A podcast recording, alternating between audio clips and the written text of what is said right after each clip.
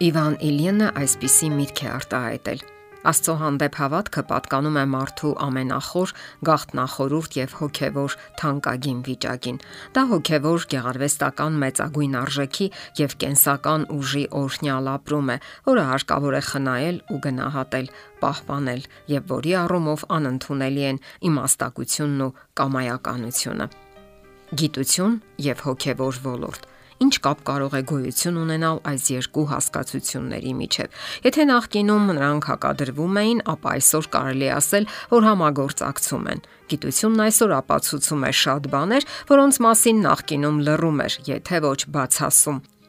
Այսպես օրինակ, վերջերս Միացյալ Նահանգներում ստեղծվել է մի սարքավորում, որի օգնությամբ կարելի է տեսնել աղոթքի ուժը տարօրինակ է, այնպես չէ, չէ որ դեռ ոչ այնքան վերջերս գիտությունը շղթում էր թե աստծո գոյությունը, թե աղոթքի երևույթն ընդհանրապես։ Իսկ այսօր այդ սարքավորումը թույլ է տալիս կատարելու զարմանահրաշ հայտնագործություններ։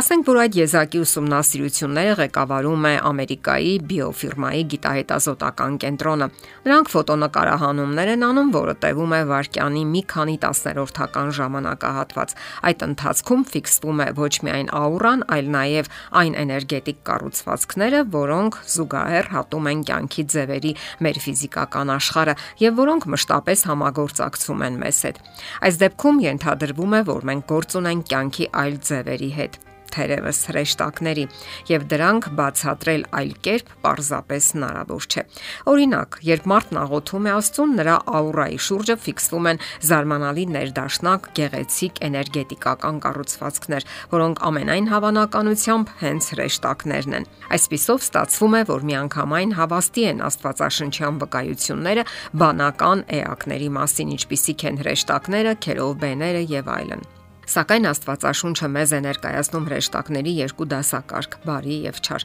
Եվ ահա այս ուսումնասիրությունները հաստատել են, որ մարդու տեսադաշտում հաճախ հայտնվում են նաեւ դիվային արարածներ կամ այլ կերպ ասած չար հրեշտակներ։ Միաժամանակ ողրզվել է նաեւ, որ աղոթքը մարդու շուրջը ստեղծում է ամուր պաշտպանական կառույց, որի ներսը այդ դիվային արարածները չեն կարողանում թափանցել։ Իսկ ահա այսպես կոչված աշխարհիկ մարդկանց մոտ այդ պաշտպանական կառույցներն ամուր չեն։ Նրա նրանց վրա կան անցքեր, դաշտերը կարծես պատառոտված լինեն եւ այդ տեղով կարող են ներս թափանցել դիվային արարածները։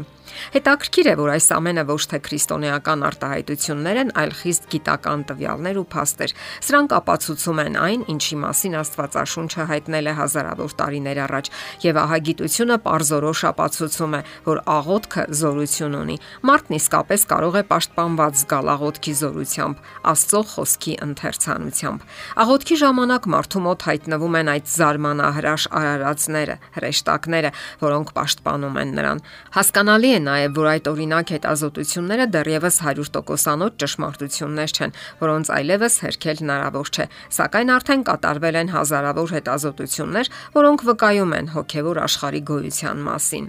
Շարունակելով ասենք, որ հետազոտությունները այլ հետաքրքիր գործոններ են ցույց տվել։ Օրինակ, բոլոր հիվանդների մոտ ֆիզիկական դաշտում գոյություն ունեն դիվային կառուցվածքներ, եւ դրանք ավելի շատ են այն մարդկանց մոտ, ովքեր անեծքի տակ են։ Եվ այս առումով ավելի քան համոզիչ են հնչում այն հետազոտության արդյունքները, որոնց մասին հայտնում է գիտաբժշկական ամսագիրը։ Այդ հետազոտությունը ցույց է տվել, որ այն հիվանդները, որոնց համար աղոթել են քրիստոնյաները, անհամեմատ ավելի արագ են ապակինվել այն հիվանդներից, որոնց համար չեն աղոթել, եւ դարձյալ ինքնաբերաբար ծնվում են հետևությունները՝ հոգեվոր աշխարհի արկայությունը։ Այն գոյություն ունի եւ կազմում է մեր կյանքի եթե ոչ ամբողջ, ապա ճնշող մասը եւս մեկ հետաքրքիր բացահայտում։ Պարզվել է, որ հայհոյական խոսքերը շատ ուժեղ աղավաղում են մարդու աուրան։ Այդ մասին դեռևս աստվածաբաններն էին ասում։ Այդ մասին զգուշացրել է նաև Քրիստոսը, որ չի կարելի նույնիսկ վատ բառեր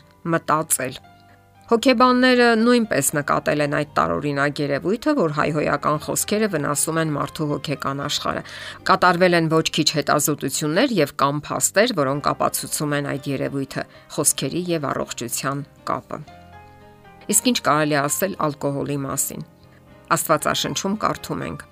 Մի նայիր գինուն, որ կարմրին է տալիս, որ բաժակի մեջ աչքով է անում, որ ուղիղ ուղիղ ինքն իրեն գնում է նա վերջը օծի պես կկծի եւ իժի պես կծակի։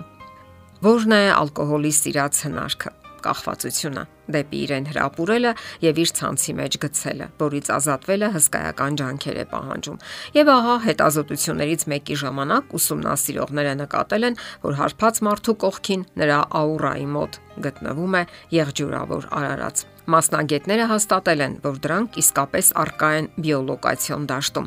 եւ նրանց տեսքն անգամ բացասական տհաճ տրամադրություն է առաջացնում։ Ում է հաճելի գտնվել խմած, եթե ոչ հարբած մարդու կողքին։ Այս ամենի արդյունքում հետազոտողները այսպիսի եզրահանգումներ են անում։ Մեզ համար դժվար է նույնիսկ պատկերացնել, թե որքան սերտ է մեր համագործակցությունը այլ աշխարհների արարածների հետ, եւ այնուամենայնիվ դա փաստ է եւ օրինաչափություն։ Կրոնական ոլորտ գոյություն ունի Ահա թե ինչու շատ դժվար է խոցել այն մարդուն, որը գտնվում է Աստծո պաշտպանության տակ։ Նրա դաշտն այնքան դրական է, որ բացասական էներգիան պարզապես հետ է մղվում եւ հարվածում նրան, ով փորձում է խոցել։ Այսպիսով գիտությունն ապացուցում է եւ գիտական հիմքերի վրա դնում այն, ինչը մարգարեների շուրթերով հազարամյակներ առաջ հայտնել է Աստված։ Եթերում է ղողանջ հավերժության հաղորդաշարը։ Ձեզ հետ է Գեղեցիկ Մարտիրոսյանը։ Հարցերի եւ առաջարկությունների համար զանգահարել 033 87 87 87 հեռախոսահամարով։